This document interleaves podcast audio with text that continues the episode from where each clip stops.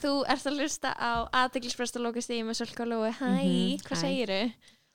Ég, eða hlustandi Við kanum að tala núna Svara þú fyrir hlusta. Verður skýr Þegar ég segi ógeðslega gott Ég segi alveg nú ógeðslega gott af Því að Ég það líka. búið að vera sól í tvo daga Og það þarf ekki meira Þetta, var, þetta breytti algjörlega skapinu, stemmingunni og öllu á Mhm. Íslandi. Við ætlum að vera ógeðslega jákvæðir í dag Við verðum bara eitthvað svona Ég er í geðvöku skapi, sko. Ég hef sjaldan farið inn í pod svona hress. Mhm. Svona geða ykkur skapi En ég líka líka geða ykkur skapi til að rakka eitthvað niður Skilur Já, hvað ég menna já, já, veist, það er bara þetta hugur í mér, sko. Já. Ég var að setja badge á prófálmyndina mína. Ég stiði lálina fólki hjá, hjá, borginni. Ég setti það eftir að þú gerði það. Ég gerði það líka Ég gerði það líka svo illa En ég, ég gerði það og ég var eitthvað, ok, vintage. Já Það er svo myndið að setja eitthvað badge framan á andlitið á þér Prófálmyndina sinna á Facebook. sem bara, passar ekki einu sinni neitt á hana En ok, sko þetta er virtue signaling.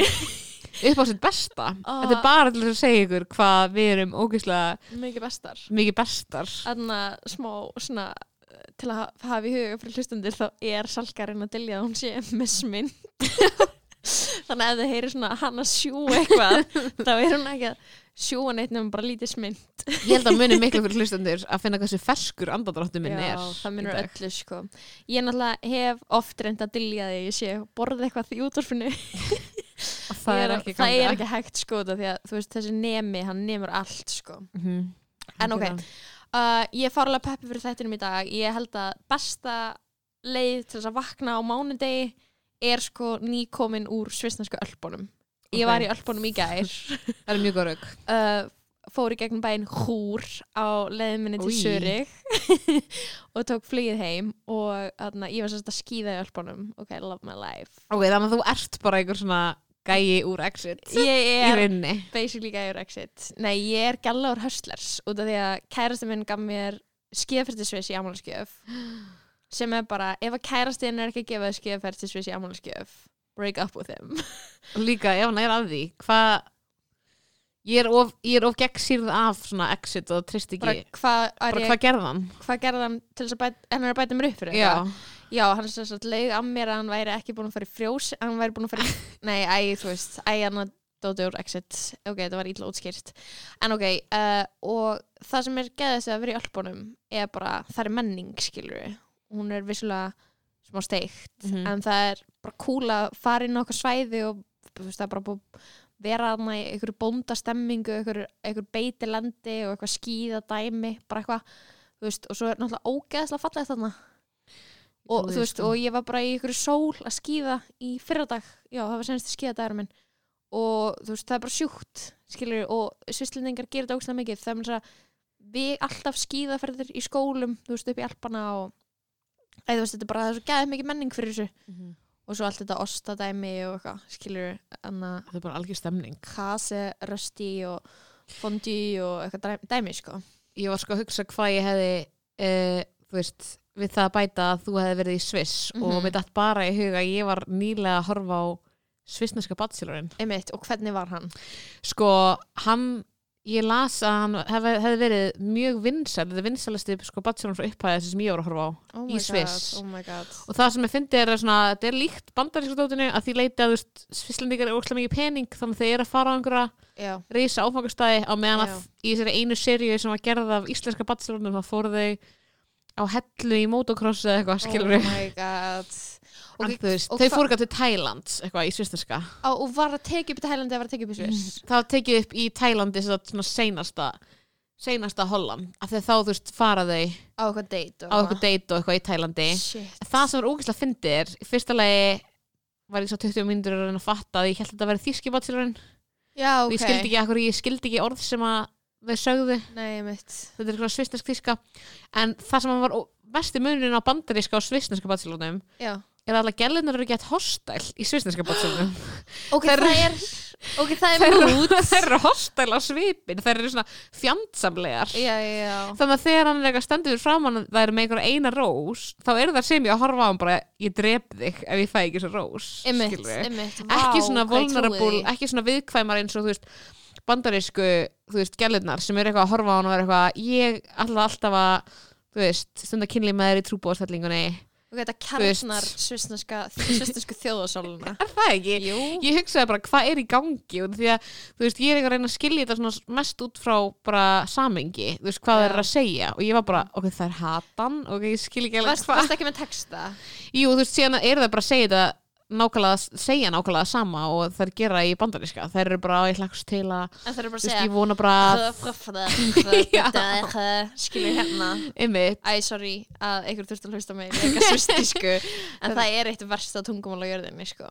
og þær eru líka eitthvað svona allar þrjár að lappa saman svona að rósa aðtöfninni mm og ég var allan tíman bara ein þeirra með nýf skilur bara, hún Hún er er að stinga hinn og hún hendin er út í með tjörn. fokkin Victorinox vasanýf hún er með svisneskan hún vasanýf er með svisneska vasanýf á leiðinni bara að verka mannin bara slæsa hann upp bara hún og- að verka eitthvað, hvort sem það er keppirautur hennar um Mhm. ást mannsins eða bara mannin sjálfan Já, ég, ég óttaðist um mood, sko. sko. það var mjög skemmtilegt um, en ég var sem sagt a- á leiðinni heim í gær fór ég á flugvöllin og það fyrsta sem ég sá er bara fullt af Íslandingum skilur upp á flugvölli Já. og það var skilur rýtingur í hjartað skilur að, að, að hitta Íslandinga aftur Mhm. Og þegar ég var einhvern veginn eftir tvo daga í burtu frá þeim þá var ég bara I'm so over you skilur bara mér langar bara- ekki að sjá Íslanding ever Nei. again einhvern veginn. Og svo sé ég það og þeir minna mig á staðin sem ég kem frá. Og svo sá ég wait for it ríka Íslandinga uh, á leiðinni úr skíðaferði á Ölpunum. úr skíðaferð í Ölpunum eins og ég, nema ég er ekki þeir skilur að þeir eru klættir og svo fyndi hvernig ríkir íslenskir meðaldra kall með klæða sig. Og því er bara eitthvað, af hverju viltu líta út eins og þú meðir konur? Og þeir klæða sig allir þannig. Og bara eitthvað svona öll þeirra, öll þeirra, svona líkanlega holning og afstæða er bara svona hún er svo óbyldisfull, skilur bara gagast umhverfi sínu. Já, þetta er bara eitthvað svona er, ég, er, þú veist, ég hringdi Tómas og ég var bara, þú veist, ég stóð við færibandið að býja eftir töskunum mínu skilur og var að horfa á þá og ég var bara eitthvað, okkur er það að klæða sig svona? Hann eitthvað hvernig, eða þú veist, ég veit ekki hva, hvernig klæða ríkir íslenski sig? Og ég er bara, bara rúnilegu skór Já. eða tísku íþróttaskór. Mhm, út af því að þeir eru í svo mikli, mikli midlife crisis. Mhm. að ég kemst sér okkur Gucci eða Balenciaga íþróttskó eða eitthvað, I don't know. Og svo þú veist buksur, einhvern veginn buksur, gallabuksur eða eitthvað, eitthvað geðið dýrar gallabuksur og svo þessi li, nanna, svo þessi. Skilur og, og svo er það ógeðslega dýra úrið og dýri sólklirurinn og þeir eru eins og görnir í exit skilur Já. og þeir þeir, lítast fyrir að vera kókaini þeir lítast fyrir að vera kókaini og þeir eru bara svona þú veist mér líður svona eins og veginn það að vera kona í kringu þá er bara eitthvað svona smá skeri Já.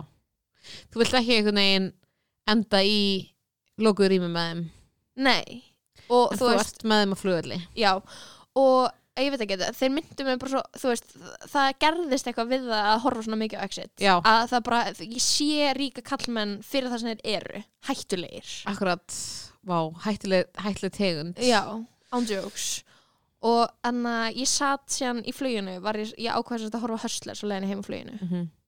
Oh my god hvað góð mynd. Hustlers J- með J-Lo. J-Lo er að eiga stjörnuleik. Mm Sko, J-Lo hefði átt að fá tilnæmningu fyrir Óskarinn. Fyrir Óskarinn. Þannig að hún Ég er ekki hefði ándjóks átt að vinna, ég er bara að segja hún átti skilið. Hún, nei, hún er sko hún er sko ógeðslega góð í svona Já. mynd. Og þarna líka Constance Wu þeir eru geðveikar og þeirra samband er bara svona ég greit svo oft. Mm -hmm. en það er svo fyndið því ég lendi í miðjusæti ég Mhm. náði ekki að velja með sæti, ég fyrir bara ekki í miðjuna og það er ungur karlmaður á mína vinstri hönd og meðaldra karlmaður að koma úr skíðaferð á mína hægri hönd og ég veit ekki hvað kom til að ég ákvað að horfa á strippmyndina Hustlers í karlmann samlöku í fjara tíma flugi Líka mynd um satt, strippara að ræna nákvæmlega típurna sem þeir eru Er það ekki? Jú, eða svona allavega gaurinn á vinstri hönd, Já, ekki gaurinn á já. hægri hönd hann var bara basic, hann horfði á þrjár teiknumyndir og ég var eitthvað ok. Allavega, þá að eftir að ég hefði kveikt á Hustlers þá kveikti meðaldra karl- karlmaðurinn á Hustlers svona tíu sekundum eftir mér. Bara sá að ég var að horfa mynd með alls byrjum gælum að dansa og sett á hana líka. Og ég var bara svona, ég veit ekki hvort þú ert king eða perri já, já, já, og ég var bara svona, ég veit ekki hvernig mér er að líða. Og ég er alltaf með svo, ég er bara með ógeðslegan huga að þegar hann stóð upp eftir tíu myndur og fór á klóstið það var ég bara eitthvað, hann er að fara að runga sér. Það er svo mikið Selga, það er svo mikið sexy eitthvað stripp í fyrstu Tíu myndunum þetta er bara svona strip montage það er bara brjóstinu Cardi B raskandi og píkan á J-Lo þú veist, Constance Wu að humpa eitthvað þú veist, þetta er bara svona, þetta er bara hérna þú veist, og, og við erum eitthvað að horfa á þetta hlið við hlið og ég er bara eitthvað mámilega óþægilega er ég skilur ógeð að hugsa En þetta er nefnilega, það sem ég fyndi er þetta er gellumynd, það er eitthvað svona stripparar og það er óslega mikið sexy atriðum Mhm. en ég upplifði þetta samt sem algjörða skvísumynd bara mynd Mm, fyrir mhm. skvísu vinahópa Mhm. það er svona líka mjög fyndið að þegar ég fór á þessa mynd í Legarasbíó já árið 2019 mhm. þá, þeir eru herrans þá ári því herrans ári sem nú er liðið þá var þetta 50 uh, einsamall karlmaður fyrir aftan mig að horfa á myndina. Já, og hugsaður ekki, he's gonna touch sko, his penis. mér leið meira eins og hann væri bara hefði vilst mjög illa sko. Það var meira svona væpið frá honum ég held einhvern veginn að þú veist þó að gælunar einhvern veginn séu að ná sér niðri á ríka manninum í myndinni, mm skilur við, þá er ég eitthvað ok, en þú veist, þú getur samt alveg fengið þú getur alveg rungaðir yfir þessar mynd þú getur líka rungaðir yfir Sex and the City þú veist, það eru alls bara gælur og það eru að ríða.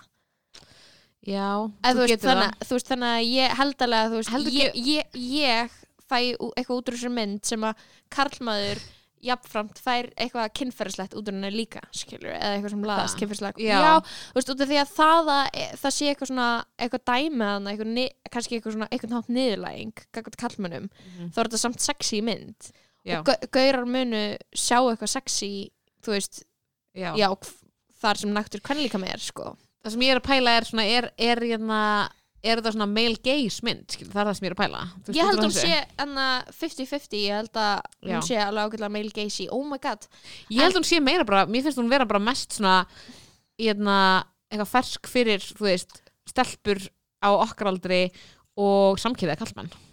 Af því þú ert Já. með hann eitthvað, þú veist, queer icon J-Lo sem Já. bara er það, af því að hún er bara einhver fymtu kona sem vaknar frá fimm á mótnana til að færa ræktin í þrjá Hún tíma er svo fitt og uh, er að, þú veist, sko mig góður, þú veist, ég sá hana líka á Super Bowl Mhm.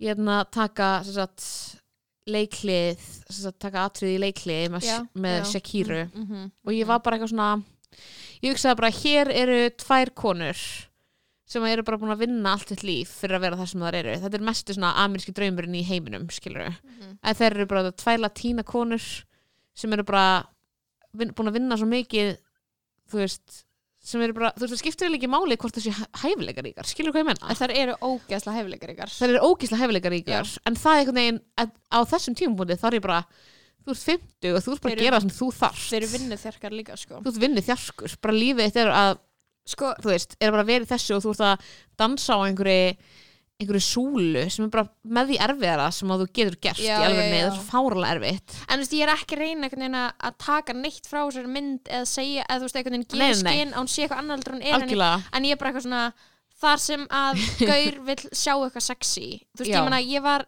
það var nýju klukkustund á langt myndband að mér og vinkonum mínum að gera gjörning úr LHI og einhver staðar á þessum nýju klukkutímum förum við allar úr fötunum. Já, og við kíktum eitthvað svona randomly á það. Þetta var bara inn á Vimeo síðu Listafskla Íslands. Eitthvað sex mánuðum eftir að við settum það inn eitthvað.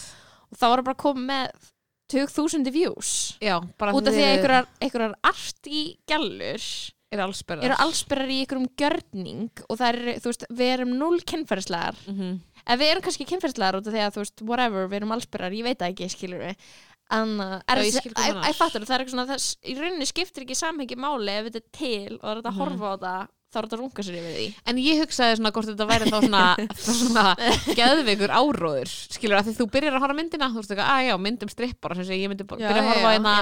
Magic, Magic Mike, nei hvað heitir hef það? ekki séð hana, veit ekki hvað það er Æ, að það er hann að kallstrippara myndin sem Ok, er held ég ok, ekki um neitt Ok, en ég hef ekki séð hana. Já, já, ég hef ekki séð hana en ég held að sé ekki jafn sterkur andkapitliskur áróður í henni. Nei, og því að Og- Hustlers er það fyrst og fremst. Já, þannig að ég er eitthvað svona og ég geði vekk pæling. Ef þú byrjar á hana Já. myndina og þú hugsar ú, mynd með J-Lo og öðrum heitum gælum og Cardi B Mhm. uh, að vera meistarar þú veist, og vera eitthvað að strippa uh, frábær pæling, skilur Mhm. og þú síðan ferði bara út úr flugvélinni og þú ert bara orðin andkapitalisti og þú ert bara að horfa á Maybe, þær mögulega.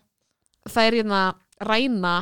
Voru, réttilega ræna Þær fullt voru að gera eitthvað sem mér þótti einhvern veginn svo sjálfsagt og það var svo áhugavert fyrir mig að- að koma úr einmitt skíðaferð í svisnesku ölpunum þar sem kærasti minn borgaði allt fyrir Já. mig, allan mat, allt skilur við, þú veist, Mhm. það var ég hafði, þú veist, engan kostnað af þessari ferð, ég bara engan kostnað af henni, fórum út að borða skilur við, borðum hátíðismat á veitingastöðum, það er Mhm. fokking dýrt að fór út að borða í Sviss þannig að þú veist, það var í alvörinu verið að trýta mig skilur við, Mhm. og ég kem heim og ég er að horfa þetta leiðin heim og ég er bara eitthvað winning, skilur þetta er geðveikt. Svona átt að vera, þú veist það er ekki, veist, Það er eins og hrói höttur já, og líka bara skilur ef að og þú veist, ég er bara geðt þarna þegar ég er að hugsa um, þú veist, eblingu og þarna verkefælisbaratu og samtöku atvinnulífsins og ríka kallmenn að segja konum að þeir eigi að vera á herrlaunum ef að þú átt í sambandi við kallmann og hann á meiri pening en þú og þú verður ekki að góðs að því af hverju ertu þá með honum Mhm. og svo líka,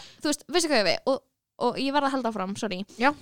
en líka skilur við með bara hvernig auði er ójæmt skipt á jörðinni að þú veist hvernig, hvernig er lagt mat á vinnu framlega þitt skilur við, sem kona Mhm. í meir hluta starfa er ekki í samræmi við þá vinnu sem þú setur í skilur, og það er bara, það er að þú veist, mati sem er lagt það er byggt á einhverjum, einhverjum hugsunarhætti sem er bara geðveikt fucked á Mhm. því og þannig að þú veist, það er bara sangjant að konur fái einhvern tímann að njóta góðs af einhverja peninga skilur sem einhver á og Einmitt. ef það er í gegnum eitthvað svona sambönd skilur það er bara I love that að þeim líður eins og það hafi kannski Já. ekkert eitthvað það maður allir síð höstlers þá Já, er það ok. reyni bara hérna, er premissan bara svo að þetta eru stripparar Mhm. sem að einhvern veginn líka þú veist, eru að lenda illa í því út því það er einhvern veginn efnagskreppa líka og það er, þú veist, það kemur rosalega margt inn í þetta vegna þess að Já, þetta er byggt á hrun- sannri sögu á kemur inn í þetta og já. þú veist, sem er líka bara hrun fyrir, fyrir þeirra starfsemi, þú veist, Einmitt.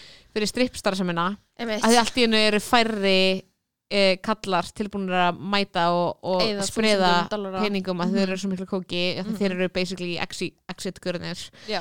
uh, og þær fara þess að ræna þessar ríku kallmenn sem að nýta Byrlaðum, sér basically Já, Já. Þeir, þeir eru rauninni byrlaðum og ræna á Já. sem er líka áhugavert út af því að sko Cardi B er í myndinni og hún náttúrulega viðkendi rauninni að hafa gert nákvæmlega þetta Já, og, er, og það er oft verið að tala um hana.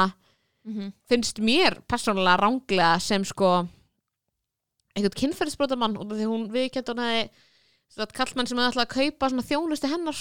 Sem hefði alltaf að kaupa sagt, hérna hana sem vændiskonu í rauninni. Mhm. uh, hún í rauninni vildi ekki vera þar. Hún var strippari en hún vildi ekki þú veist, sofi á kallmenn fyrir pening. Mhm. þannig að það sem hún gerði var að byrla þeim segjast alltaf gera nákvæmlega það fara með þeim á hótelherbyggi, ræna og skilja það eftir. Mhm. og þá erum margir að tala um það- hana sem er kynferðslega mann sem að ég er Já. ósámála klálega, klálega braut hún lög skilur og klálega ofbeldi. En að einhver leiti þú veist þá ertu að horfa á þessa mynd og þú hugsa bara eitthvað svona já þú veist þær, þetta er bara algjör, algjörlega þær að reyna að lifa af. Já, er bara algjörlega bara í, í heimi það sem er geðvitt ójæmt gefið mm og bara, þú veist, tækifærin fyrir þig til þess að, þú veist einhvern veginn hafa það næs eru engin. Og Mhm. líka, þú veist, karlmennir það er alltaf breytist út af því að þú veist, þær verða meira og meira ykkur, meira og meira ykkur bóar, skilur við já, en það sem að, þú veist, í upphafi veist, þá eru þær viktimæsaðar alveg freka mikið af ykkurum ríkum kallmennum þú veist, niðurlæðar og þú veist, og það er líka, þú veist, svo skýrt þema í þessu, bara niðurlæðingin fyrir peninga og að, mm að því leitinu til skilur er Hustlers bara jafn valit mynd og parasite um einhvern veginn sem einhvern svona greining á henni kapitaliska lífi skilurðu. 100% þetta er bara fáranlega góð greining á því bara hvort sem að maður er sammálaðið sem þær gera það ekki þá bara svona Já. þessi frásögn af einhvern veginn bara bæði hvaðan þær koma þetta eru aðalega konur sem eru ekki Mhm. hvítar eða þær koma af mjög miklum lágstéttar bakgrunni fátakar og fengu veist og, og valið sem þær hafa er rauninni að gera þetta eða vinna fyrir þjórfjö skilur Já, á, á, á launum sem að þær sem er ekki séns að lifa á á einhverjum bænir Nei, eða þú veist líka bara það voru svo áhugaverð innskotin þegar þær fara alltaf aftur í að vinna í fatabúðum. Akkurat. Og þú veist, niðurlægingin þar skilur og það er fælst bara í þjónustinu fólk þar sem er dónalegt við þig. Já, og þú veist, máli er bara að, að hugmyndir okkar um bara svona siðferði sem er í lægi, þær eru Mhm. bara, þú veist, þær eru bara svo, þær eru bara svo fucked, eins og Mhm, bara ógisla ríkir kallmenn þurfa ekki að sæta neina afleðinga af gjörðum sínum, mhm. menn einhvern veginn, þú veist, þú getur ekki farið úr vinnun að sækja batnið þitt, eða þú veist, ef það er verkfall á leikskólanínum, þá ertu rekin að þú ferð heim og sækja batnið þitt, eða eitthvað svona, Einmitt. og svona er eitthvað svona eitthvað svona sækul þar sem að við höldum að eitthvað sé rétt skilur og eitthvað sé sangjant og það bara er það ekki. Akkurat. Og, Æ, þú veist, og akkur er þetta þá einmitt og þá er þú veist náttúrulega aftur bara, við erum náttúrulega að tala um kynlífsveinu áður skilur í þessu hlaðverfi bara svona, það er svo, það er bara mjög margt sem að við niðurlægjum okkur við við að einhvern veginn reyna að, redda okkur.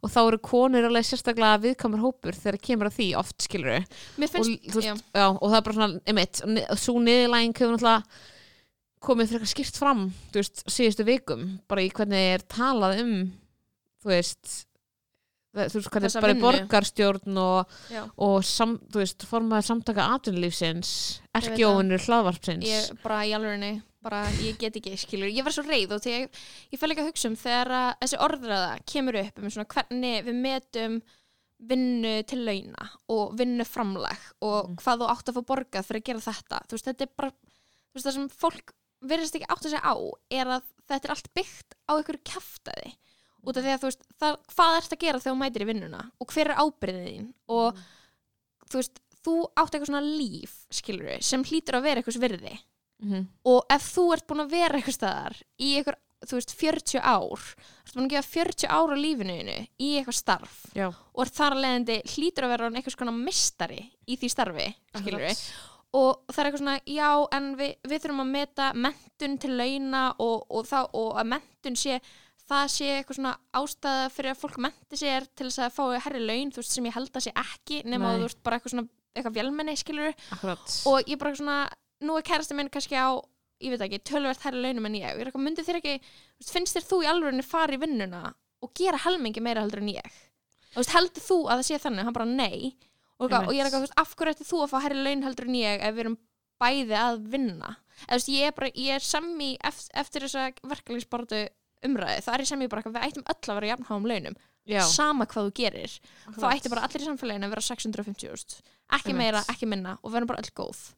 Ég ske ekki vandamáli við þetta. Og pældi ég líka, þú veist, mér finnst það skrítið að við getum ekki talað um.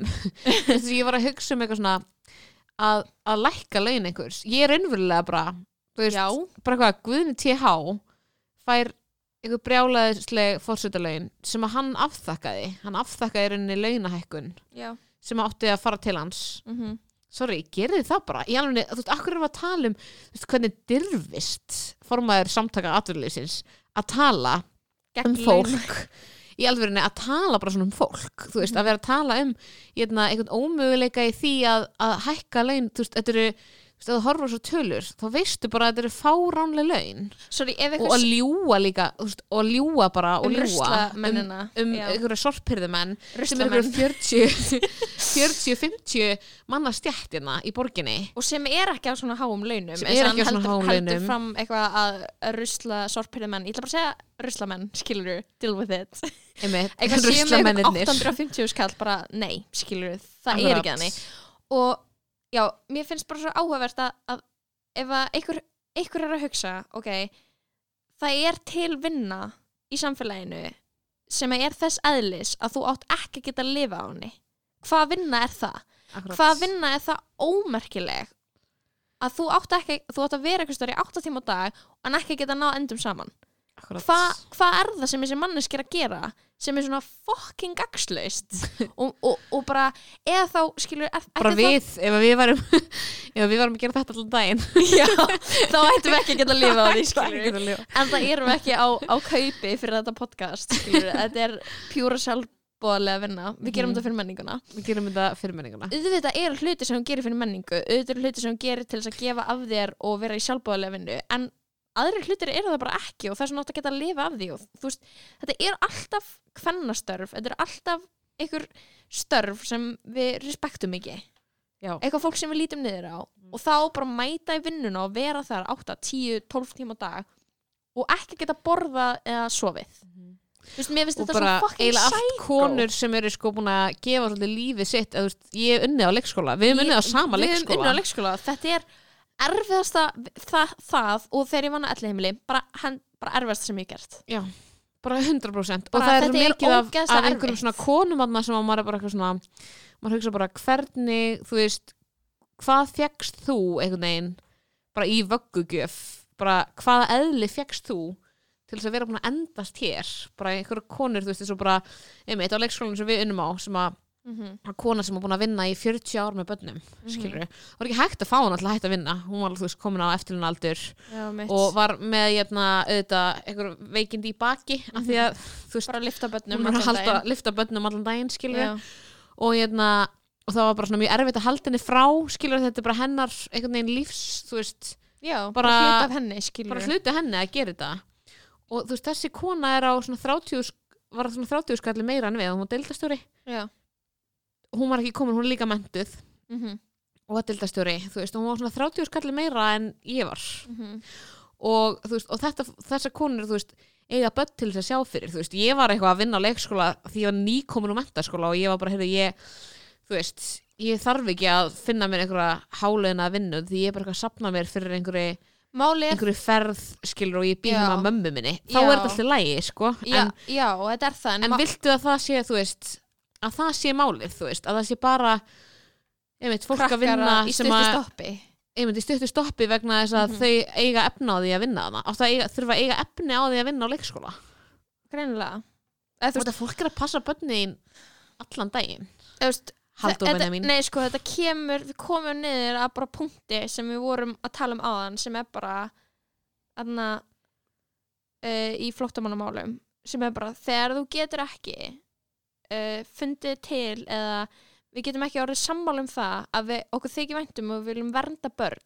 Þá bara svona, hvar er bara mann, manneskjan inn í þér, skilur út af því að þú veist, við erum bara að tala um leikskólakennara sem að Mhm. eiga inni launahækkun, Já. skilur við og skadabætur eða skilur við, bara launahækkun er aftur í tíman akkurat. Og það er eitthvað svona ekki víst hvort að það geti gerst og, og við erum líka að tala um að, að vísa transstrák úr landi, skilur við á bara eitthvað bara byggðan Mhm. á, byggt á engu, skilur bara út af því að okkur og langar þú til þess veist, einmitt eigisku fjölskyldu með pinguðið börn skilur sem Já. er búin að vera hér í, í meir en ár.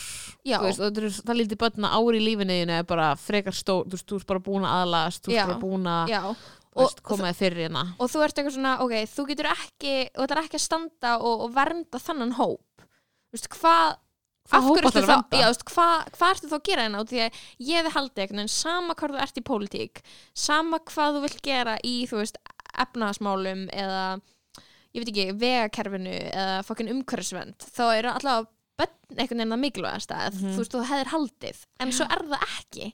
Og mér finnst það svo styrla því að ég er bara svona þú veist, ég bara kaldast að fólk en að mýkist við að sjá börn akkurat og bara svona þó að mann er langi ekki börn og þó að maður þú veist, sé ekki að fara að eigna spatt þá, þá er bara eitthvað, það koma ný spatts í heiminn, bara bestu fréttir sem maður fær Mhm. og, svo maður, Nákvæmlega. og, svo, og, og, og maður vil passa upp á þau og vernda þau og svo bara eitthvað, ég veit það ekki þ- við, hversu detached eru við, eða Mhm. skilur við bara vá já, ég veit ekki þetta var rand mitt, randi mitt, eitt af sjö röndum þetta sjöröndum í þessum, þessum Þessu- þætti. sérstaka uh, verkalýs þætti við, ég, ég var að hugsa skilur, getur podcastið okkar radikalæsa fólk? Þú veist, vonandi. Vonandi. Að þú veist, að þú, ha- þú veist bara reyna að setja þetta einhvern veginn, þú veist, að þið máli er að við erum líka að tala svo mikið, þú veist, við erum svo, þú veist, við erum mjög sammála um þetta og þú veist, stundum finnst mér eins og ég sé bara þú veist, maður er eitthvað á Facebook eða eitthvað, að bara gera eitthvað algjörlega tilgangslaust að posta einhverjum status um þetta og manni finnst að þú veist, það sé allir sammála manni en síðan er ég líka bara að skoða komment hjá eitthvað fréttablaðinu um eitthvað manni í transstrák Mhm. þar sem fólk er bara er raunverulega ekki átt að sjá því þegar það segir bara þurfum að sjá um Íslendinga fyrst ég bara hver er að sjá um íslensk börn hver, Mhm. þú veist, hvað heldur að það sé að það sé ástæðan fyrir því að ríkistjórnin það sé ástæðan fyrir að dómsmálarónætti útlendingastofnun bara keppist við að senda börn úr landi vegna þess að þessi önnur ógíslega busy að sjá um íslensk börn það er bara kjaftaði Já. bara þið getið ekki sinni, þú veist, gert vel við fólki sem sér um börn ykkar íslensku ykkar, ykkar hreinræktuðu íslensku hvítubörn Já. skilur við, þannig að það er kjaftaði Já. að alltaf fara að bera þetta saman því að það skiptir þetta fólk engu máli Nei. þú veist, hvort að það sé að sjá um sem þú veist, eru hérna þú veist, eru íslenskir þú, þetta er líka koma aftur að einhver svona stjættabáratu skilur, þetta er bara, Mhm. þú veist ef að þú ert að einhverju læri stjætt, þá er, er þessi fólki bara drullu saman um þig og þú veist, ef þú ert einhver öryrki þú veist, einhver staðar sem Mhm. heldur að ástæðan fyrir því að þú fáir ekki betri kjör á Íslandi sé vegna þess að sé verið að hleypa inn einhverjum útlendingum Ég þá bara, I got news for you það er bara, það, þeim er alveg nákvæmlega jafn drullu saman við þig Já, þú veist, ég er nefnilega búin að pæla mikið í þessu með eitthvað svona að skeita einhverjum minnulítahópum saman. Held að ef þú ert í bári stöðu og þú hefur þurft að glíma við kerfið á þinni lífsleið, mm -hmm. þá hefur samú með öllum sem þurfa standið í. Og, og ég held að þetta fólk sem að haldi uppi þessari orðræðu sé ekki í bári stöðu og hafa ekki þurft að glíma við kerfið og þú veist, sé ekki að skrimta, skilur það er erfitt að trúa því. Já, eða þú veist, ég anna, að etja þessum tveimur hópum saman í eitthvað svona, láta þau fara í eitthvað kapplaup fyrir fjármagn frá ríkinu eða sveitafélögum eða eitthvað, þú veist, það er bara, veist, að- það er bara verið að reyna að skilja afveðlega okkur. Einmitt, og ætla að reyna að láta eins og það að einhverju 40 sorpirðumenn myndi fá einhverju 30 svona launa, launahækkun sé slæmt fyrir okkur. Þú veist, við erum að tala um sko 40 manns á meðan við erum að tala um veist, hækkanir á efstu stjættir, þú veist, á bara svona þessi vel launuðu störf Mm -hmm. sem að nema miklu meira fjármagni skilur við, Mhm. þá er, þú veist en það, þetta er svo ótrúlega þetta er alltaf mjög gagsæ þú veist, og svona lúaleg tilraun og segja síðan eftir að ég rugglaðist á tölum Haldur Benjamin, já, hann sagði í rauninni ég sko, ég hann anna- rugglast þú veist, þegar hann er að tala um þessar sorpriðumenn ég, ég, er svo, ég er svo fucking triggered af svona gaurum í jakkafutum að tala um kjör einhverja kvenna í einhverjum vinnum sem hann hefur ekki snert hann hefur ekki séð, hann hefur ekki komið nálægt hann veit ekki hvað liggur á baki. Ég er bara svona, ég fæ ég fæ bara svona, eitthvað svona ofbeldisneið, ég er bara svona þú veist, ég verði í alveg bara svo djúbstætt reið út af því að þú veist það er svona engin sjálfsvitund, skilur við pólitíkusar í öðrum löndum heldur en Íslandi. Veist, mér er þess að dag og B ætti að standa með okkur, skilur við en hann ger, getur ekki gert það. Veist, Kári Stef stóð með okkur, skilur við Mhm. og annað pólitíkusar í kannski öðrum löndum hafa allavega þannig einhvern veginn þroska að þau vita að það lúkkar ekki vel að vera karlmaður í jakkafutum og tala ofinberlega gegn konum í lálunastörfum bara það lúkar fucking illa fyrir þig. Já, bara, þú En- veist, Dagur B bara missir öll, þú veist, bara svona öll svona sympathía sem ég hafði í hans garð. Hún er bara farin, hún er bara, farin. þú ert bara er sorry, þú ert bara að lifa haldur Benjamin þannig að formaður samtaka atvinnulífsins að tala fyrir þig, þá bara svona þá veist ekki neitt. Já, þá ertu átt ekki að vera í þessari vinnu. bara slæm representation fyrir þig sko. Mjög. 100% og, uh, já, og núna er bara í gangi, við erum að taka þetta upp og það er bara samstöðufundur eblingar er í gangi. Já, og það er standa yfir eitthvað svona sólarhengsverkföll bara núna þangulega já, núna, núna bara ótíma já, bundið, eða skilur, já, já, það er gæti bara- geðveikt. gæti bara orðið mjög langt. Já. Og hvað er það fólk heima með börnir sín? Eru margir leikskólar lokaðir? sko, marg, þetta er mjög mismunandi eftir deildum og okkur svona, þú veist þannig að stundum sem staðar er verið að loka heil leikskólanum sem staðar er verið að loka einhverjum deildum og börnin með að koma eftir hádegi á þessum degi eða fyrir hádegi á öðrum degi og þetta er bara svona allt pínu steikt skilur Mm en ég meina ég vona bara að bara því þú veist, verra ástand að einhver leiti því betra. En það er líka áhverst því að séðan bitnar þetta líka á einhverju fólki þú veist, ég, hérna, þú veist, ég held að þetta verkfall Já. að einhverju leiti að þá, þú veist, er það alltaf að fara að bitna verst á þeim sem að hafa verst og eru með minnsta baklandið Já. þetta verkfall Mm og ég held að það hafi áhrif á að það gangi hægt að leysa úr því, skilur hvað ég meina? Já, bara svona, hvar ertu að þú veist, högva mhm, þú veist, mest að? Ég er bara svo, svo sammála þessum verkföllum, skilur en ég er bara svona að hugsa bara um það að þú veist, það þessi er, fólk sem að færi ekki að fara í þú veist, færi ekki að fara í bað út af verkfallinu skilur eða eitthvað svona, þú veist, að sé til þú veist, einhverjum svona afleðingar mhm, sem eru slæmar fyrir illa setta hópa. Mhm, og það, þú veist held ég hafi bara engin áhrif á, á fólkið eins og það fólk sem er að Nei. semja ekkert við verkefliðsfélagin þú veist, þessu fólki var þegar drull um þetta fólk, það var nú þegar að koma óbeint illa fram við þessu hópa með því að undirgreiða umönnunarfólki. Umönnunarfólki þú, veist, þú ert nú þegar að segja þessi umönnun skiptir mig einhver máli hún er ekki Já. virðið peninga þú veist, Mhm, hún skiptir ekki máli fyrir samfélagið. Í rauninni það skilabóð eins og þú gefur þegar þú borgar umönnunar aðilum svona lítinn pening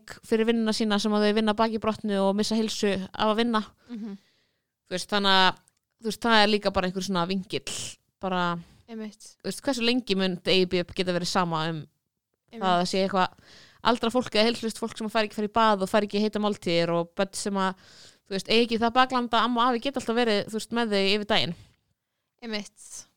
Já, ég er nefnilega, þú veist, veit það ekki og svo fer ég líka að hugsa bara, er kannski gett auðvelt fyrir mig að segja, já, þú veist, það er alltaf eitthvað fornarkostnaðir og þú veist, þú veist, út í að ég aðhyllist bara, skiluru smá anarkíska hugmyndafræði að bara, þú veist, oh my god, sorry hvað er lóðalt að segja þetta, en bara ef það þarf að breyta ykkur í samfélaginu, þá þarf að vera kaos eitthvað staðar á einhverjum tímapunkti, mm Mhm. skiluru algjörlega, og það, það er eitthvað sem er bara mjög gott að gerist skilur akkurat. Og það er alltaf það er alltaf eitthvað sem verður undir. Mm eða þú veist það er alltaf já, eitthvað og sem ég menna líka fyrir bara það, því þú veist, að verkföllin hafa ekkit andla þú veist, frábær áhrif á veist, verkföll almennt, þú veist, þegar það hafa verið löng verkföll, þá hafa þau kannski oft eitthvað svona slæm áhrif á hópana sem að taka þáttið þeim út af bara óvissu og mm þú veist, það eru, þú veist, verkfall er ekki, þú veist, þetta er geggju bara þetta, en, En til lengdar mjög svona erfitt Já. í og þess vegna er þetta líka svona samstöðu dæmi skilur Já. að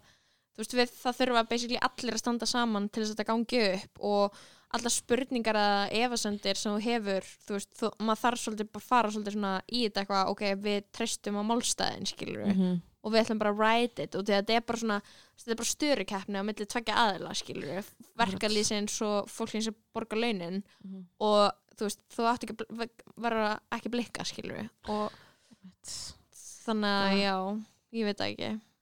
Svo, en, það er kannski óslega kallt að segja bara já, það er alltaf eitthvað fórnarkostnaður en þú veist það náttúrulega er það, en þú veist, er að hann er að hann er náttúrulega endanum á þeim sem að semmi ekki við fólk sem á sjálfsæðan rétt á því að lifa launum sínum, þessi nokkulega, fótunkostnaður er ekkert á veist, hann bara hlýtur að vera á hinn er manneskinu á mannskinu sem að neytir að að semja við fólk og gefa því mannsamandi laun. Það er það sem er að byggja um. Og það er svo veist, við erum meðan eitthvað sólvöðanu sem sko fólk áalið fyrir eitthvað auðvelt með að, að hérna, fara í, maður finnur fyrir því að svona sólvöðana hefur eitthvað svona áhrif fólk að það er eitthvað neginn svona fer eitthvað í töðunar fólki. Já, að því hún er eitthvað neginn svona veist, Mjög rosalega- mjög beinskeitt og hún er ekki pólitíkus í eðli sínu. Hún er svona kona sem hefur eitthvað neginn þú veist, verið bara í alls konar umhverfi. Við náttúrulega sko, við náttúrulega sætla minninga þá í útskjöldverkinu þínu vorum við náttúrulega með viðtali við hana í gíslamartinni mm óbreytt í verkinu. Já, já. Þannig að svona þá ég, það, ég svona, er ofta að hugsa um hvernig, hvernig umhverfi hún kemur og hvernig hún tjáir sig. Já, já, og svona ég hef oft séð fólk er eitthvað svona gaggrina hvað hún, hún hikar mikið og segir mikið um, eitthvað svona. Og það er einmitt svo áhugavert. Ha? að- já, ég er svona, það, það hefur verið gaggrínt á svona miðlum, það er svona það er svona vinstri kratar sem að gaggrina Ah. það.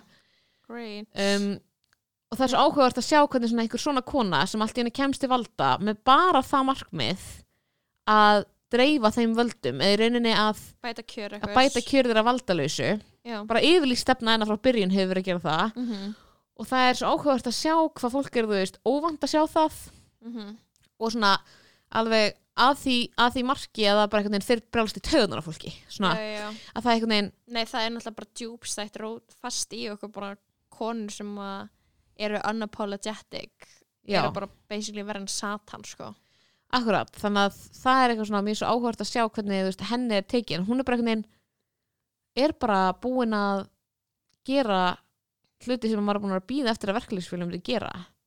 Brjálæðislega lengi. Mhm. þú veist, hún er bara hún kom inn, þú veist, til þess að gera þetta. Þú veist, hún vildi verða formar eblingar til þess að gera í rauninni nákvæmlega þetta, hún kemur sjálfur úr þessari stjætt Já. hún áttar sig á einhverju vandamálið sem að við erum að tala um í podcasti og fullt af fólki talar um við kaffiborðið heima, skilur í mörg mörg ár um hvað þessar láleinastjættir hafa það skýtt. Mhm. og hún er að gera eitthvað í og hún raunverulega kemur bara inn og þú veist, segir bara þetta er, veist, er ekki búið lengur af því að við vitum veist, eins og hún endaði þetta kastlusvital sem hún var í við haldubennu mín, það sem hún er að segja við erum að lýsa okkar veruleika. Láleina konur er að lýsa sínum veruleika Mhm. og hann gangi ekki lengur. Og svo einfalt er málið já, sáum þetta? Já, þú veist, hún reynir bara að segja þú veist, að það er ekkert svona flókið. Þú veist, þetta er, Hvernig- snýst ekkert um einhverja lífskjara samninga og hvað, hvað áhrif það hafa hakkkerfið að fólk fá mannsamandi laun af því að það hakkkerfi er ekki eitthvað sem við ætlum að búa við af því að við erum að tala um raunveruleikan við erum að tala Já, um já, raunveruleikan sem er kona sem er að slíta sér út í mjög erfiðri vinnu Mhm. að vinna með Í börnum fátækt. allan daginn sem býr við fátækt vegna þess að hún á 2-3 börn og þú veist á ekki fyrir Já. að fara í bónus 15 hvers mánaðar þegar hún er búin að þú veist borga reikningana, Já, skilur veit það að- er veruleikin að það er líka bara svo áhugavert að fólk sé tilbúið að heyra þetta og hugsi, já, þetta á að vera svona út af því að það er einhvern veginn fast inn í okkur að það sé sjálfsæður hlutur að einhver reyði mikið penning og einhver reyði engan, að það sé þú veist, eðlileg bara þróun, við bara byggum til samfélagi þannig og það er svona áða alltaf að vera þannig. Þú veist, þú átt einhver á að líða skort út af því að annars verða ósangjant kakvart þeim sem líða ekki skort. Akkurat. og ég er bara svona að ég veit ekki, ég ve- velti ég stundu fyrir mér eitthvað svona hvað það er veist, hvað hvað trúir fólk að önnum manneska hefði gert til þess að eiga það skilið að lifa við fátækt? Út af því að veist, fátækt er ekki að sama og þegar þú, ríkamanneska, ert blöng mm fátækt er ekki að sama og þegar þú sleppur því að fara út að borða að þú ætlar að spara.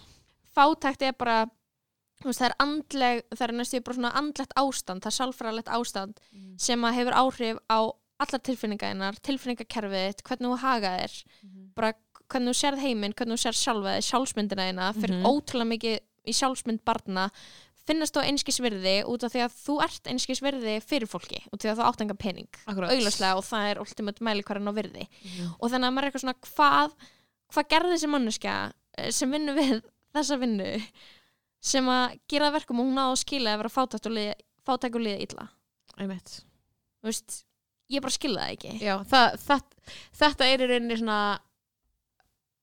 þú veist, já, svona bottom lineið í þessar umræðu, þú veist, það, það er ekki hvað áhrif það hefur á bla og bla, það er bara nákvæmlega þetta. Finnst þér að þessar, veist, þess- þessar aðla konur mm -hmm. eigi veist, skilið að lifa á mannsamöndi lífi eða ekki, já eða nei? Þetta er já eða nei spurning, skilur Mhm.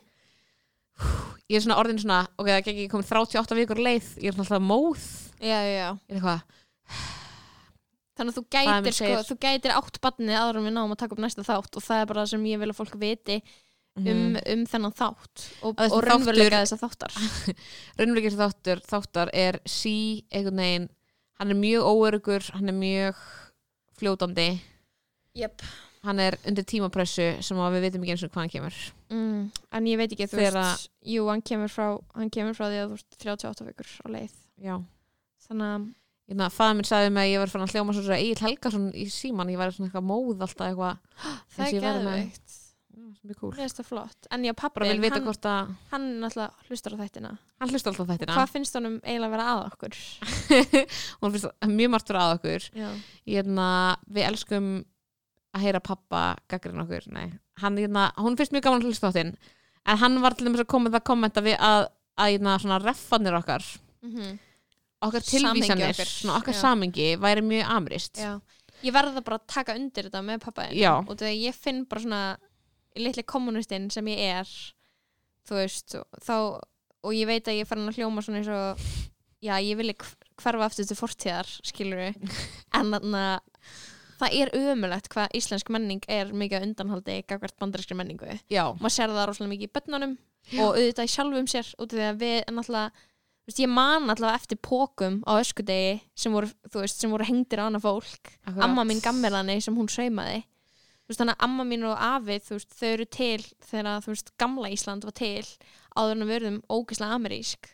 Út af því að strax og þú skiptir einhverju út fyrir valentínsdaginn eða Halloween eða um, einhverjum, einhverjum réttum sem eru bandarískir eða þú veist, Það er einhver, einhverjum eitthvað þá svona- ertu að forna einhverju skilur einhverju þekkingu. Mér finnst líka bara það sem finnst áhugavert er að oft upplýðið mig sem svona eins og ég sé að reyna að vera eitthvað ekstra öðruvísi eða einhver hipster. Ef að mér langar, þú veist, ef ég finn fyrir sterkur þörf til að hafna þessum gildum. Bara svona eins og það var valið þessu dag um daginn. Mm -hmm. og ég var bara eitthvað, nei, þetta er ekki neitt. Ég bara neitaði að vera næs við kærasta Var minn þennan einhver á dag. Íslandi að hanga að halda upp á þetta? Þú veist, það er bara ógstlega mikið einhverjum auglýsingum um einhverja matseðla og eitthvað Þetta er veist. allt bara leið til að selja ykkur hluti skilur þú veist, obviously Já, og svo ef maður er eitthvað svona móti þá er maður eitthvað svona, er ég að vera bara þá var maður svo, svo. Jóakim Jókim Scrooge. Aðaland Ég veit að allt er, þú veist Já, allt reyna er að til að selja ykkur trölli sem stál jólunum sem er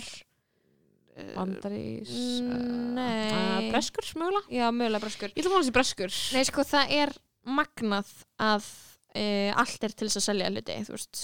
Uh, ég þekki mannesku sem að vinnur basically við að gera einhverja heimasíðu meira sölulega, skilur það er bara svona, það er bara fólk í fullri vinnu við það að reyna að selja þér að láta þig kaupa meira.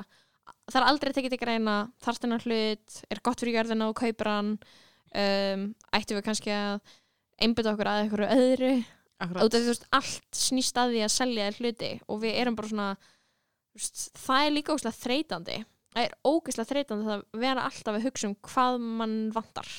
En það er skilabón sem þú ferð þess vegna fór ég að þýska kvikmyndahátti í gær skilur ég er bara að reyna að spórna við þessum áhrifum skilur er bíómyndir gott. bestar. Já, það eru, það eru fínar ég hef Eh, ef þið viljið- frekari útlistin á sambandi mínu við föðu minn eða feðraveldi eins og hann kýsa í kalli sig eh, þá þurfum við ekki annað en að horfa á þýsku bíómyndina Tony Erdmann og það muni vera mi mín meðmæli í dag er það mynd sem er eins og ykkar samband? já, er það?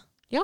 það er frekar magnað um, það er bara því skrínmynd geti, geti gert því sambandi skil vil ég meina sko mhm. Því ég held ég þurfa að gera nýja bíómynd til þess að sína hvernig samband mitt við föðu minn er og, Og- það er svo óskiljanlegt og það finnast ekki vísanir í það í, í neittni menningu þannig að þú, það er, þú veist, það getur verið næsta hjá þér að einhvern veginn bæta við Mhm. íslenska menningu með því að búa til ódöðlega gamanmynd um, eða hvað svona Sambandsmyndu. tragíska gamanmynd tragíkomedi um sambandið til föðin já, no joke en svona, en það er alveg mjög mikið einmitt, ég var að horfa á að því þú veist einmitt, ég er með Netflix og ég er svona smá að vera að geða kalla það er sarpurinn er náttúrulega nýja Ný- veitan sem við erum að nýta okkur. Ég er bara sarpurinn, sarpurinn hvernig endar þetta, þetta podcast mun enda eins og landin. Er við erum alltaf að færa okkur í áttina að henni fullkomnu menningu sem er landin. Svona sem Við er erum alltaf, landin. það, það er svo fyndið, þú ferði að skapandi það. ferli skilur, ferði eitthvað skapandi ferli, ferði eitthvað svona að þróa áfram sem listamæður og þú ert alltaf að nálgast fullkomnun. Þú ert alltaf nær og nær því að vera gísli í landanum basically, að það er það æðsta form tjáningar og listar tjáningar og og menningu. menningar á Íslandi í ég veit rauninni. það, það er þannig.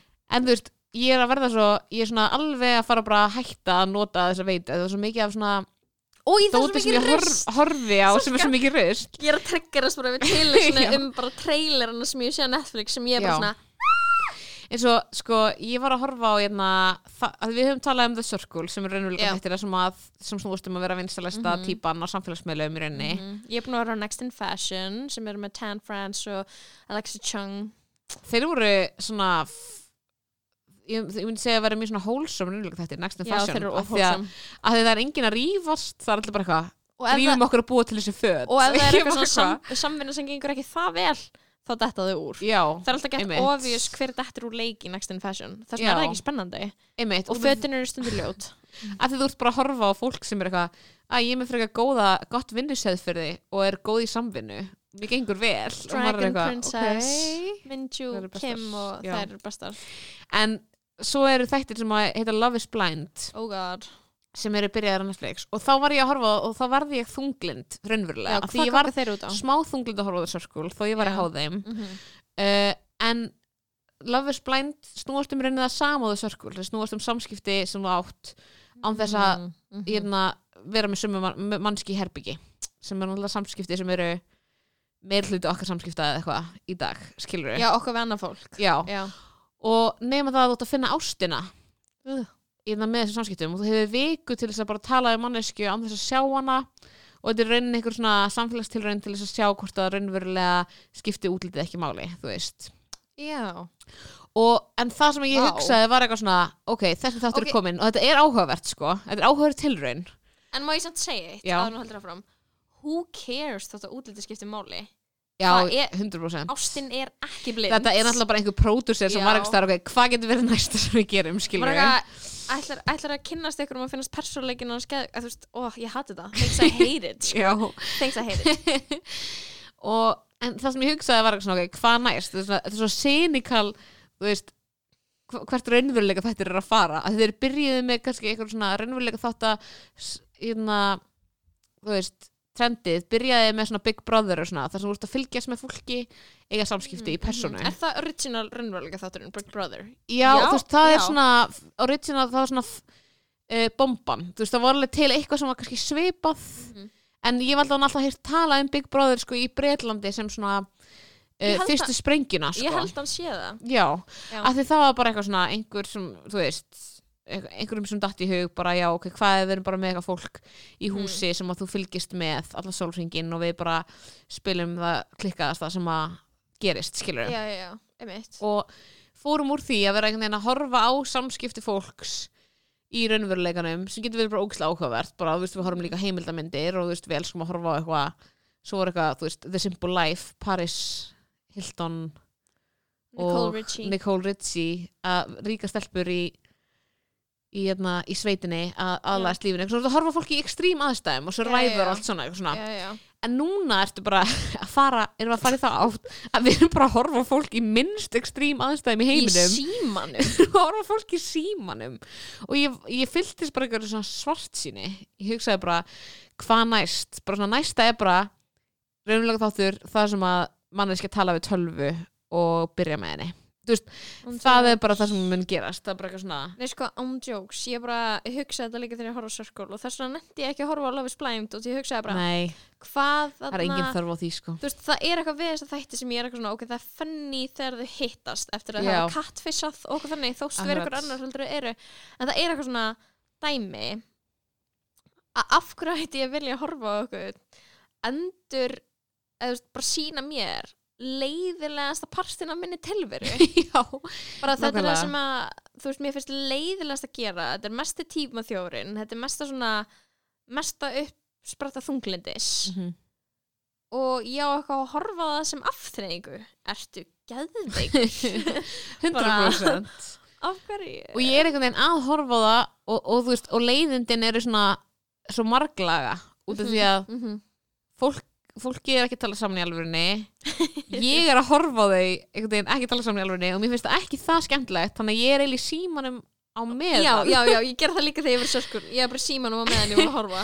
Og ég hugsaði bara Ég svona eitthvað, ok, þú þetta, er, þetta er pathetic. Já, ég veit það. Þetta er raunverulega ekkert gaman ég, ég var að kvóta ég held, ég man ekki hvað sagði Mitra Chuhari eða Kat Cohen bravely spending less time on my phone to spend more time on my computer. Nákvæmlega. Það er bara 100% mitt líf. Áhverjum núna er bara, ég er búin að eyða Instagram. Og ég, þarf ég ekki að gefa eitthvað skonar, eitthvað skonar check-in á því hvernig það er búið að vera? Þessi stóra, til, Jú, þessi stóra tilraun. Ég ætla að fór í utalansferða hans að hafa verið með Instagram.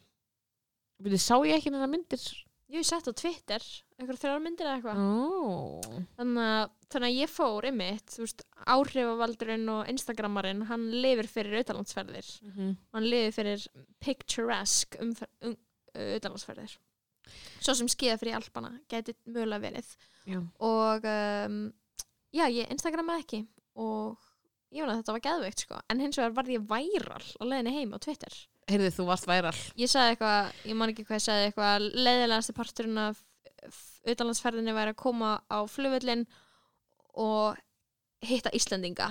Og það væri sama tilfinning og það er ljósin væri kveikt á jamminu. Og ég tweetaði þessu eitthvað casually.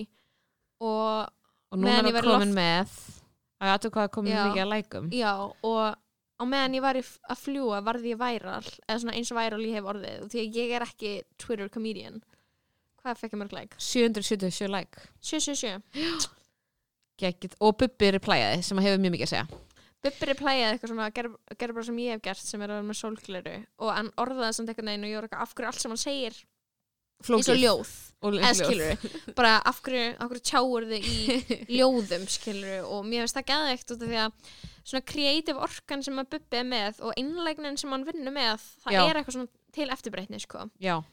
Hann er bara búin að vera samkvæmur sjálfur sér núna alveg consistently fyrir ekki lengi. Já, og hann er bara, ég er að tjá mig og ég er að tjá mig svona.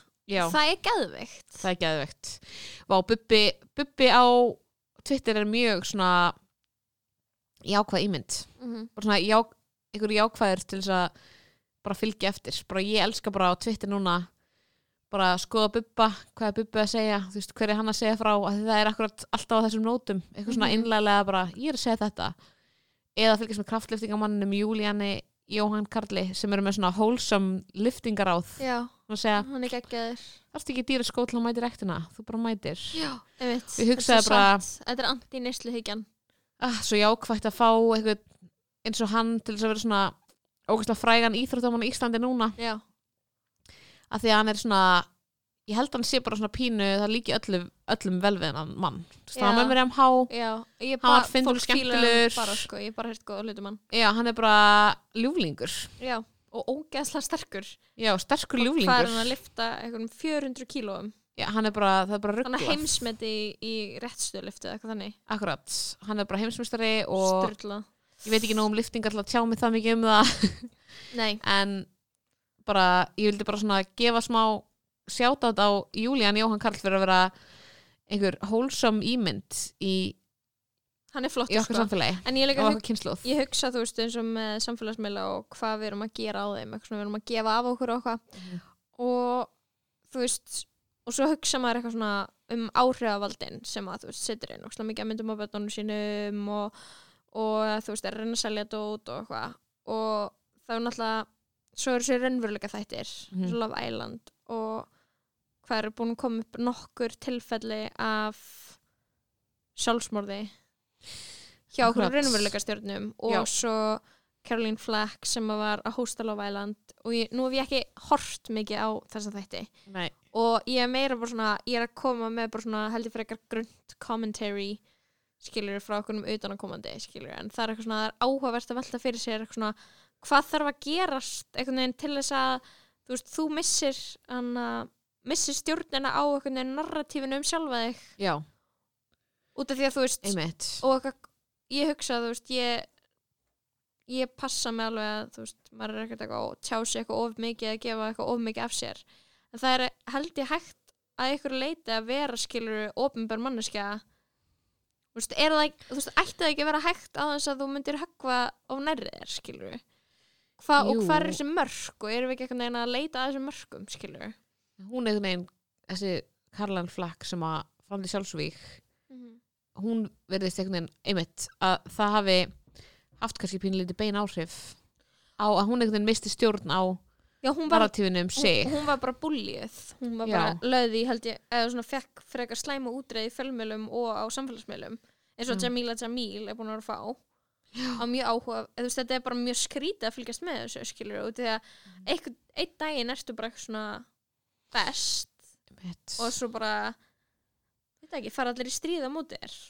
Og, það, og það líka þarf svo mikið til þess að, nei það þarf svo lítið til þess að þessi hópur sem er á móti er sem mjög hann er mjög svona óvægin, hann, óvægin, hann fyrirgefur ekki veist, eins og til dæmis og það er svo auðvelt að ljúga líka. Já, ég tók eftir í þessu Jamila Jamil dæmi að þú veist, þú þarft ekki nefnir eitthvað screenshot og þá ertu eitthvað svona, já ok, þetta er þá satt það er svo auðvelt já, að photoshoppa. Já. Af hverju trúum við öllu sem við lesum?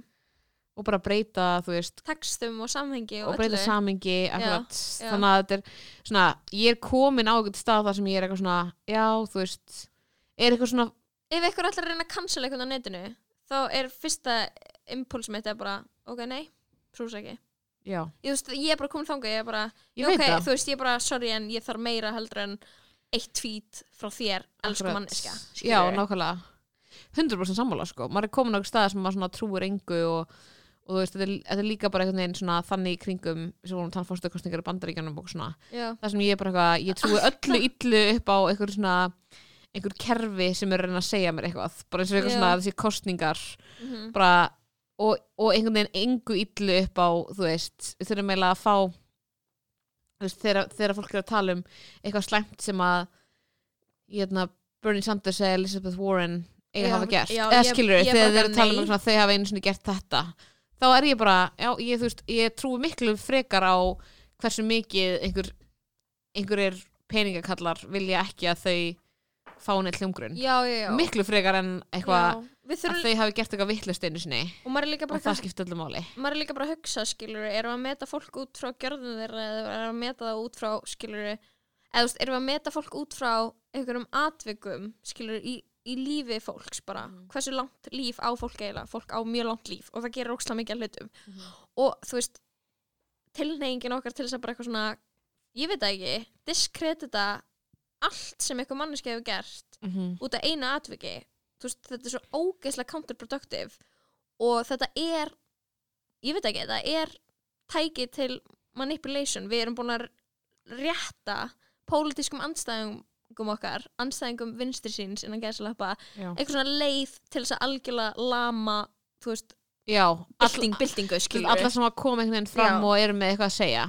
Já, það er mjög satt. Og þú veist þetta er annað, það var ógeðslega góður í ljósi sögunar þáttur sem fjallaði um annað uh, fjallaði um kommunista í Japan þegar þeir fóru allir upp, upp í eitthvað svona fjallahús og byrjuði svona að pinta og drepa hvernig annan. Akkurat. Út af veginn svona allt stöðuri skilur leita því að tilhengu til að vera hinn fullkomni kommunisti mm -hmm. og gera aldrei neitt skilur rámt og æ, passvordið er Felix. Getur að skrifa það uh, en allavega, já, æ, tölva mér læstist, svolítið ætlaði að kíkja í tölvuna. En þú veist, það er eitthvað svona það sem þú gerir sem vinsturmannskja með cancel culture er að þú réttir pólitískum andstæðingunum eitthvað svona vopn, skilur gegn þér. Mhm. út af því að krafan á því að vera hinn fullkomna manneska liggur greinilega ekki á neinum nema þeim sem er í mannréttindabaróttu akkurat, það er nefnilega og málið það er rosa ósengjart allir hinn er með að gera bara mistök. Og- eða, eða, eða grínistar eða, stríðskleipi eða já, opinbera manneskjur bara opinbera manneskjur sem að eru með eitthvað credibility það er þetta svifta er því ef það er hafa misti í sig á lífsleginni en þú veist, uh, stríðskleipir uh, kynferðsóbaldi eða þú veist þessi og þessi skilur þetta er allt svona já það er alltaf að hliðra öllu til fyrir þig ef þú ert eitthvað ákveðin akkurat. Að ég veit ekki, mér finnst það mér finnst það frekar crazy sko. Mm sko að því sögðu Já. Þá hérna, finnst mér verða að taka smá update á söngvakeppninni sko. Já og því að við erum búin að vera að við fréttir að henni við röndum líka mjög mikið um söngvakeppnina í síðan þetta já, og það er ljóst að hún Fólk- fólk tók í minnst undir með okkur með hraðfestar mennina sem kynna. Og, og fannst það vera árás gegn sinni tilvist að sjá þá í skilur, og þetta er valið punktur. Aðrir voru tja, eru aðdáðandur eins og Hekla Elisabeth tweetaði Mhm. hún væri ekki eins og flesti feministar og fyndist þeir ókslega fyndnir mér finnst það áhugavert, það er alltaf gaman þegar að fólk er með óvænta skoðun já, Alltaf einmitt, mjög gaman. maður veit ekki þú veist, maður þekkir ekki þú veist, ég er í bachelorklubbi með heklu Já. ég þekki ekki allan hennar skoðanir Nei, samt sem einmitt. áður þannig að það, einmitt, hún væri fílaði hraðfættugurina það komið þér í okkur skjöldu komir okkur skjöldu en þú veist, hún er núanserum manneskja og þú veist, ég, við fíla, getum verið ósamála með einhver hluti. Ég til dæmis fíla uh, eins mikið og ég hræðist ríka kallmenn þá fíla ég þá líka. Mm það Skilurðu? er, það, það er svona dimmur partur af þér Það sem að ég vita af lengi. minn núans sko já, að það er svona mikið attraction í gangi þannig á milli eitthvað sem ég tek inn í reikningin þegar ég hugsa um okkar vináttu og þú veist, og þú Að kemur ekkert illa, illa út samt, skilur ríka gauðra skilur já, það er mitt þeng það er bara starrið ég var að hugsa um þú veist að láta mig detta á hana töskubaltið og vonast til þess að hann myndi þú veist kippa mér upp og setja á hann Louis Vuitton töskuna sína og keira mig gegnum ríkið og leiða mig að og velja. skullar heima á ógstlega dýrum bíl. Nei, við ferum bara heim til hans. Við myndum bara flytja inn í einbjörnshúsi hans í Fossvogi. Er það í fósvogi? Ef hann er ríkukall þá er það kannski Fossvogi eða kannski í Vesturbænum, ég veit ekki. Já, sko í sönguketninu núna þá verði ég að segja að listan stjórn þessari söngkeppni er er, út úr kortinu er Já. hún er handahófskend. Ég reyndi einhvern veginn að skipa í gegnum þetta meðan ég var í Sviss bara til að reyna að flóna að gera nínu. Já, en hvað hva fannst þér sem sagt? sko mér fannst í rauninni bara þú veist ég er náttúrulega bara að reyna að grafa undan listan stjórnundum söngkeppnar vegna þess að það er mitt reymastarf uh, og cool. finnst í rauninni Mhm. að þú veist, að vera ekkert svona saming í hvað er gert skilur, núna var eitthvað svona opnunaratriði með Jóhannes Hauki leikara ha? sem var ótrúlega handófskent og, og ekki vel skrifaður skets var það svolítið grínatriði upp á satriði já, grínatriði með kinnunum og honum þar sem að Mhm. Þau eru einhvern veginn stressa sig við beitnu útsendingu og hann er eitthvað svona að tala um að hann, verið, hann er að neymdroppa hvað frægur leikar hann hefur verið með eitthvað útlenskir Já, og þetta var bara ekki nógu fyndið, þetta var bara fyrsta hugmynd að gríni. Mér finnst það bara alltaf vera vandamálið í gríninu í söngkjöfni. Og þú veist, og, en allt í lagi. En sko, það sem var geggjað, ok, það sem var gott það sem var gott var, að þau tvö atrið sem komur það fram. sem voru hvað? Uh, sagt, Oculus Videre með Ívu Marín og, full on Full on- cult vibes já, Cult Vibes. ég skil ekki Sko, það sem ég dyrka er eitthvað að, hérna, að fólk er svona mjög einlega bara eitthvað, þetta er svo fallegt, þetta er svo flott og þetta er, þú veist, Ívu Marín bara mjög flott sönguna. mm.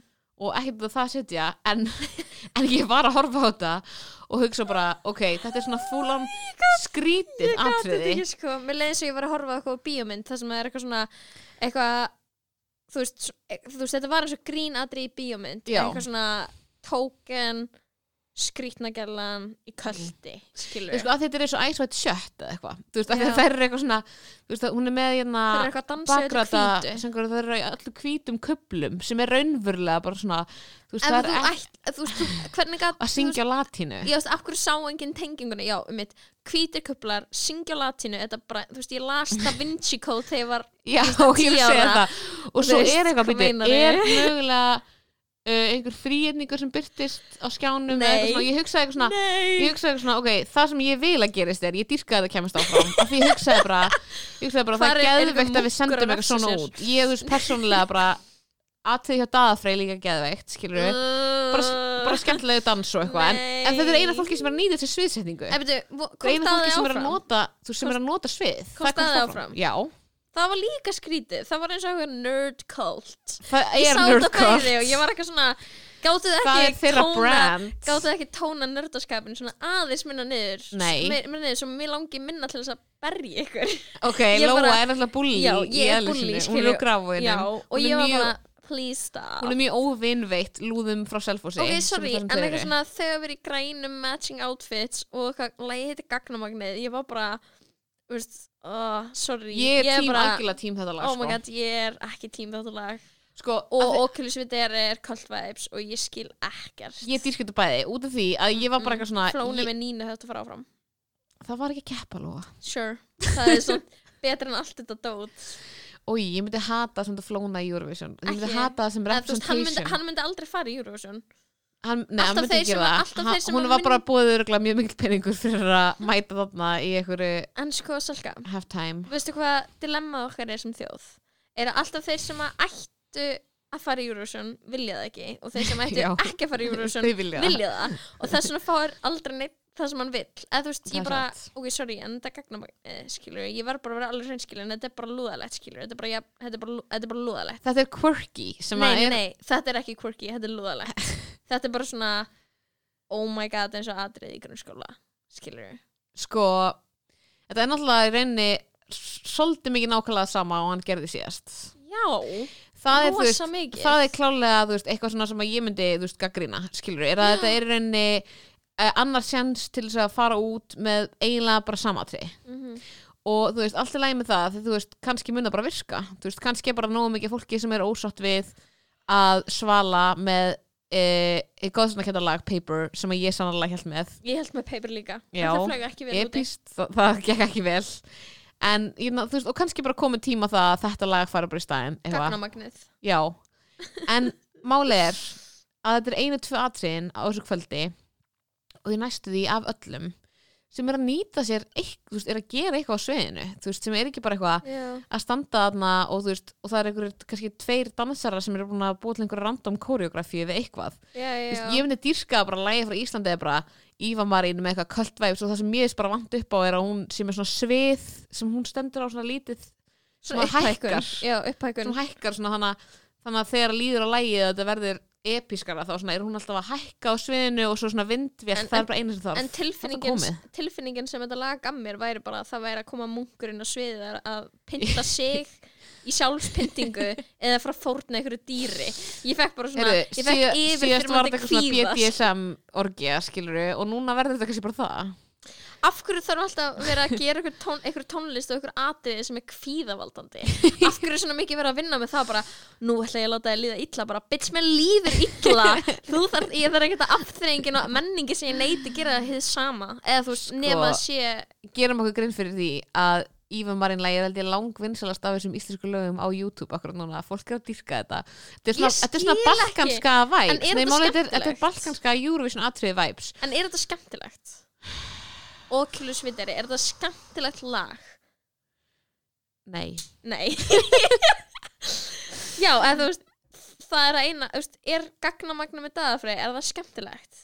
já, sko mér er þetta skemmtilegt á ennsku ég er ekki með náma, þú veist er ég er ekki með nefn í þessari keppni sem ég er eitthvað brjáli skilur, og ég bara, Nei, þú veist, heldur. alls ekki. En mér finnst bara gott að þú veist að, að það tvent sem kom áfram, þú veist, er, hefur eitthvað potensial til að skera sig úr gagast einhverjum skilur, Já, einmitt þannig að þú veist, það er bara gott. En Vi, Við ættum náttúrulega auðvitað að setja meiri fókus á svona einhverju sérstöðu. En þetta verð, það sem það gerist líka þess vegna er Eurovision svo mikið freak show. Og því að fólk er bara eitthvað ok, helst ég ætlaði að vera normal. Nei, ég ætla að vera fucking freak. Og fólk mæti bara upp á svið og er eitthvað þú veist, að reyna að stimpla sig inn í minni fólks á tveimu mínútum Já. með einhverjum skrýpalátum Já, ég vil eiginlega meiri skrifalæti sko ég, þú veist, ég er það er eiginlega náttúrulega þar skemmtana gildi í þessu.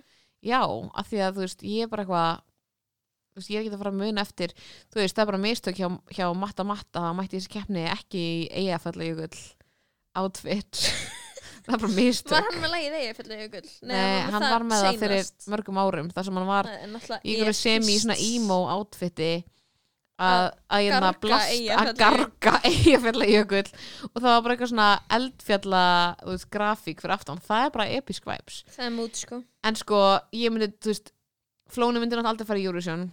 Mér var þetta, þú veist, flott cover skilur mér er gaman að sjá hvað fólk heitaði það mikið. Já, en samt, þú veist, ég það, þú veist, það, mér myndi finnast þetta mjög boring Eurovision lag.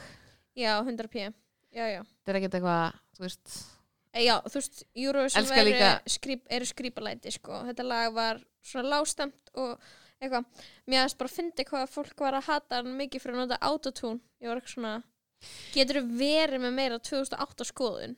Já, já, heldur en að autotune sé Já. umlægt Það er svo boring skoðun. En svona menningin þú veist, sem er þessi þú veist, þessi tónlist sem er vinsæl mm -hmm. er þú veist, á, svona ásýndin sem hún hefur fyrir manni er að hún sé mjög lazy. Að því málið er að það sem ég upplýði þegar ég var á nínu, ég var ekki að þetta gett lag þegar ég var greinlega lagt vinni í að búa til gott cover af þessu og vera með eitthvað take á nínu.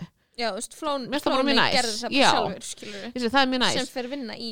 En já, en, en það sem að svona væpið sem að fær stundu frá svona þessu núna er ég að tala sem algjör. Þetta mál með breiðum pensli ég er að mála með breiðum pensli sko. Mm þú veist, eitthvað svona clubbed up eitthvað svona, þú veist, flóni þú veist, raunni bara svona tónlist sem er vinsæl hjá ungu fólki skilur er mjög oft svona að hafa einhver ásýnd að að þú hafur ekki sett lagt neitt í þetta skilur hvað ég meina, þú ert með sorgleiri og þú ert með úlpuna þú ert í úlpunni á tónleikum. þú ert með Brynju, skilur já, þú ert með Brynju, skilur Mhm. þannig að svona, ég held að það sé pínu eitthvað svona það hafi eitthvað svona þau áhrif að fólk er eitthvað svona þetta er bara drasl, út af því að að það er einhvern veginn svona að fá á Það sér tilfinninguna ekki vinnuna líka bakvið lögin og þannig. Já, og ég meina að þú veist það er náttúrulega, þú veist bara munur á öllum sem tónlistar fólki skilur en Ég hef sko ég fatt algjörlega hvað átt við og það líka verðist vera eins og þessi svona í tísku að vera heimskur. Ég og veit. það er náttúrulega alveg frekar kvimleitt sko. En ég hef samt farið á tónleika með Flóna þar sem hann leggur mjög mikið upp úr sviðsframkominu sinni og svolítið svona mhm, fer þú veist gefur óslega mikið í það að vera með geðgan performance og Já. er að dansa allan tíman og færa sig um sviðið og engagea við áhörundur já, og þá maður, þú veist, það lætur Þá engan ósnortinn ef maður er, er aðdándi sko. en Na, við en það er náttúrulega bara, þú veist, það er eitthvað svona coolmenning í tísku og coolmenning hefur alltaf verið, svo lengi sem ég man eftir í attitútið að vera drull skilur og vera bara einhvern veginn þú veist, ég, ég velti fyrir mér er, þú veist, þessi brinja skilur sem er uppi, þú veist, bara búa til þú veist, eitt vegg á milli þín og fólksins eitthvað svona, vera með sorgleru, vera svona þú veist, er það ekki bara er það ekki bara eitthvað svona dæmi til þess að, þú veist halda, þú veist, vera nettur eða skilur jú, þú veist. En það er bara boring að maður er að detta í þrítugt eða skilur, þá er maður bara búin að fyrir mentaskóla held að það sé bara málið, sko. maður er bara eitthvað, æ, já, anna þú ert cool, ég er búin að ná því eða skilur, mm Mhm. óslega esnalegt maður er bara að gera þetta, þú veist, cool.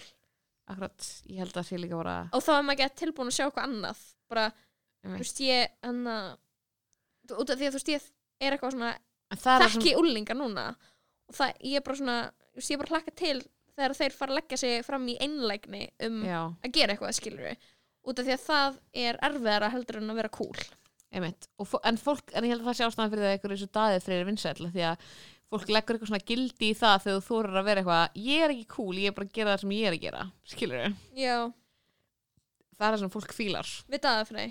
Já, ég held að. Já, en þú veist, með þess fagurfræðin bara ekki, hún slætar ekki neitt skilur við, veist hvað við?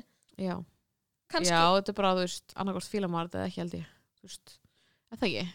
með, með gagnamagnið, Já, með outfitin uh, já. I love that. Hvað var að gerast? ég var, ég var að fá smá heila blóðfall út þegar einhver var að vinka mér í glugganum Já, sem þarf greinilega að nota podcast herbyggið uh, já Gógo starfar að vinka okkur í glugganum. Já. Í dyrka ég er so confused. Herru, rámt vikunar Erum við með eitthvað? um, Æ, mér líður eins enn og aftur eins og ég sé búin að vera ranta allan þáttinn Já, um það sem ég geti rantað um sem er eitthvað svona uh, til dæmis til dæmis eplingardótið ég meina, þú veist. Ef einhver hlustaði alveg er komin alveg hingað í þættinum og fylgdi okkur í gegnum eblingarantið þá bara vil ég bara segja takk. Og ef einhver er með gáfulegri teik um þessi mál heldur en ég þá bara let me know. Ég ekki, la- ekki láta mig vita að það er gálar að teka en ég. er mikið eitthvað. bara ég er að byggja alla mína skoðunir á tilfinningum og er living for it. Ég, ég held að þú veist held að það sé það sem að fólk kemur til að heyra sko. Bara 100%. ekki, ekki stingandi gáfulega hagfræði greiningu á þjóð Nei, við erum ekki að kominga sem hagfræðingar. Það verður svo fyndið ef ég væri hagfræðingur. Ég var að fá hagfræði ekki þáttinn. Það var bara einn einn ferskan hagfræðing til þess að vera bara eitthvað mótvægi. Við það sem við erum að segja. Já, það er svona já, eða, eitthvað svona Ættum við að byrja að taka viðtöl við ríka gaura í þettinum já, nema þú veist það verður aðeinslegt fyrir mig og ömulegt fyrir þig. Já, það er svo satt. En samt ég, ég er ekkert endilega eitthvað með fettis fyrir ríkum gaurum skilur en það er bara heitt að vera ríkur Alltaf þú láta þetta vera þín loka orði í þessu þætti? Það er það, það, er Það er ekki heitt að vera ríkur það, það, veist, er það ekki en það er það út af því að þú veist að það gerir heitan að vera og Það er þú svona ekkert- hefur efnaði að þú slíta vel út. Ég held að það sé ekkert sem að slekkur meira á mér en að sjá Þú eitthvað vilt líka þú laðast það um rusla mönnum sem fari ekki styrstu Sko, ég vil menn í að þeir Já. þjána bara mjög vel og þeir vinna Þannig þú vilt ríka fyrir gaur. ríka gaur, þú varst Rík, að segja ríki gaurin sem ég vil er sorphirðumann. sorphyrðumadur sem að er, þú veist, í fyrsta lagi mjög sterkur, vinnur mjög líkamlega vinnu. Uh -huh. hann vinnur mjög snemma á daginn, hann er búinn svona, þú veist, 2-3 þannig að hann getur chilla með mér frekar langa part en hann þarf að vakna mjög snemma Svona eins og ba- Thanks, I hate it. Æ, þetta var keðugur þáttur, Salka Ef við ekki bara kveðja? Jú, ég held að það sé bara komaði á þeim að þú segir eitthvað meira um hvað þið finnst ríkigurar heitir og þetta endar einhverju rifrildi. Ég er að hugsa um þetta, ég veit í alveg ekki hvort að, mér finnst þetta eða hvort ég sé committing to a bit Já. ég bara veit það ekki skilur og það ég er bara svona mjög stór partur af lífinu okkar oft hvað finnst mér í alvörinu um hluti. I Já. don't know, ég veit bara, ég var ekki að fíla grænu búningana í gagnamagninu þið varst of cheap ef, ég, ef það er eitthvað sem ég veit þá er það þá, Já. já, I'm sorry. Það er það eins og þú getur verið vissum í byli og þú veist, við getum ekki gert meira. Um, þakka ykkur kellaði fyrir áhörnina endilega like and subscribe. Mm -hmm. og bara vonandi verður eitt þáttur í viðbót og Salka fyrir ekki að fæða. Já, getur fara stakk fyrir sem er. Takk kellaði fyrir mig, takk fyrir, eða góðan dag Salka sumleis bye, Love you. Bye.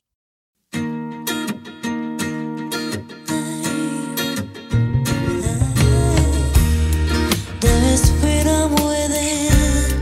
There is freedom without trying to catch the days in a paper cup. There's a battle us to the end of the road while you try.